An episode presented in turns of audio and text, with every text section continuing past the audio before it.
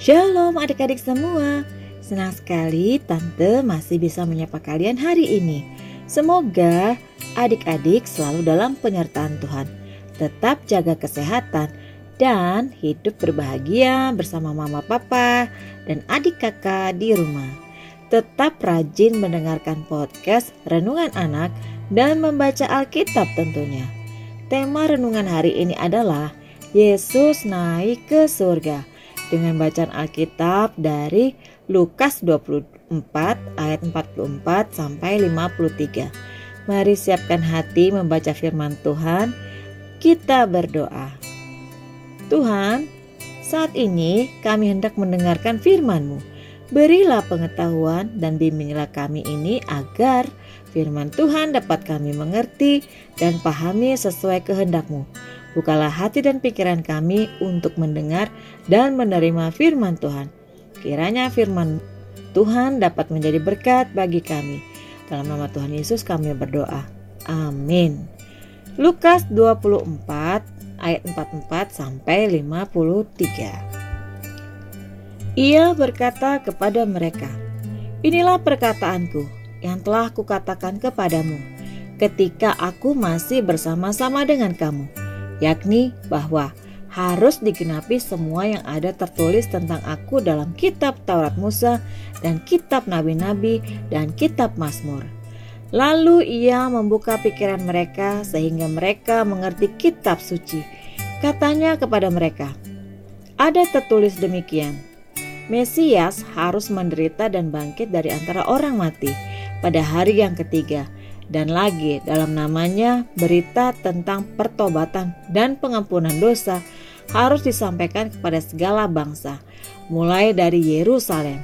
Kamu adalah saksi dari semuanya ini, dan aku akan mengirim kepadamu apa yang dijanjikan Bapakku. Tetapi kamu harus tinggal di dalam kota ini sampai kamu diperlengkapi dengan kekuasaan dari tempat tinggi. Lalu Yesus membawa mereka keluar kota sampai dekat Betania. Di situ ia mengangkat tangannya dan memberkati mereka. Dan ketika ia sedang memberkati mereka, ia berpisah dari mereka dan terangkat ke surga. Mereka sujud menyembah kepadanya. Lalu mereka pulang ke Yerusalem dengan sangat bersuka cita. Mereka senantiasa berada di dalam bait Allah dan memuliakan Allah. Demikian firman Tuhan. Adik-adik, berdasarkan nats yang kita baca hari ini, di ayat yang ke-52 dikatakan bahwa mereka, murid-murid Yesus, tidak bersedih, tetapi sujud menyembah dan mereka bersuka cita. Mengapa? Karena murid-murid tahu bahwa ketika Yesus naik ke surga, maka Yesus berkuasa atas dunia ini Yesus akan memerintah di atas dunia ini. Apa makna kenaikan Yesus ke sorga? Kenaikan Yesus menyatakan bahwa sorga itu ada. Yesus naik ke sorga karena memang dari sanalah Yesus berada. Yesus bukan berasal dari dunia ini. Ayat ini jelas mengatakan bahwa sorga itu nyata adanya. Sorga bukan di bumi ini. Yesus akan memerintah dari surga.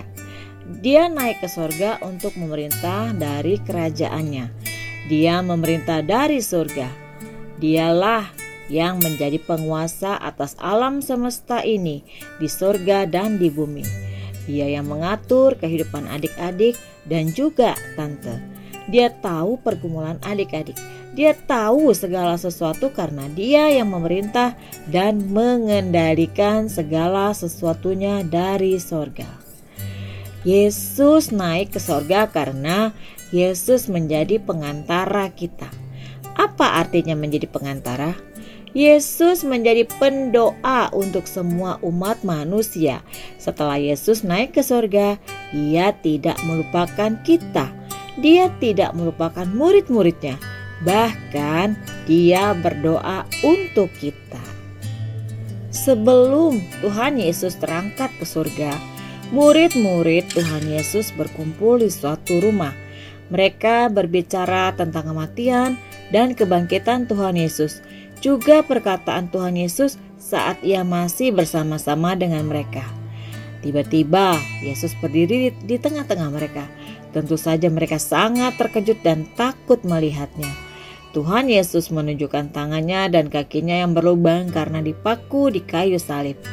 Agar murid-muridnya percaya bahwa ia memang bangkit dan hidup kembali dari kematian. Kemudian Yesus mengingatkan mereka segala perkataan yang pernah diucapkannya sewaktu ia bersama-sama dengan mereka.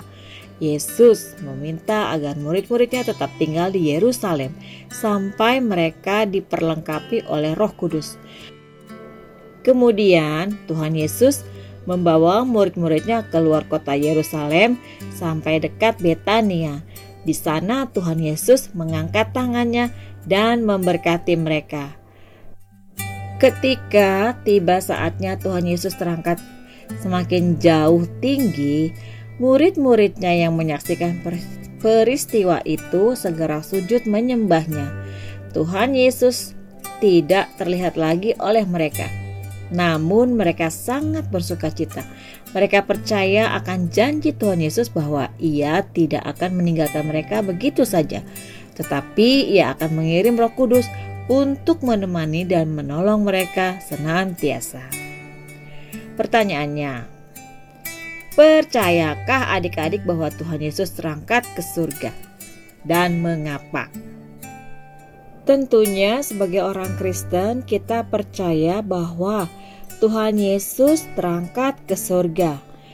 Karena Tuhan Yesus memang berasal dari surga dan dengan kenaikannya ke surga dia menyatakan surga itu nyata adanya dan Tuhan Yesus akan memerintah dari surga.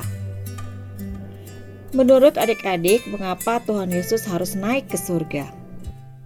Ketika Tuhan Yesus naik ke surga, maka Tuhan Yesus berkuasa atas dunia ini, dan Dia akan memerintah di atas dunia ini.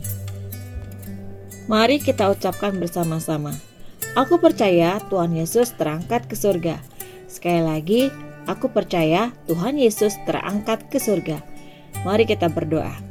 Bapa di surga, Tuhan Yesus bangkit dan hidup dari kematian. Tuhan Yesus naik ke surga namun tidak pernah meninggalkan kami. Ada Roh Kudus menemani kami selalu. Terima kasih ya Tuhan dalam nama Tuhan Yesus. Amin. Adik-adik harus percaya bahwa Tuhan Yesus terangkat ke surga untuk menyatakan surga itu ada dan memerintah dari sana serta berdoa untuk kita semua dari sorga. Tuhan Yesus memberkati.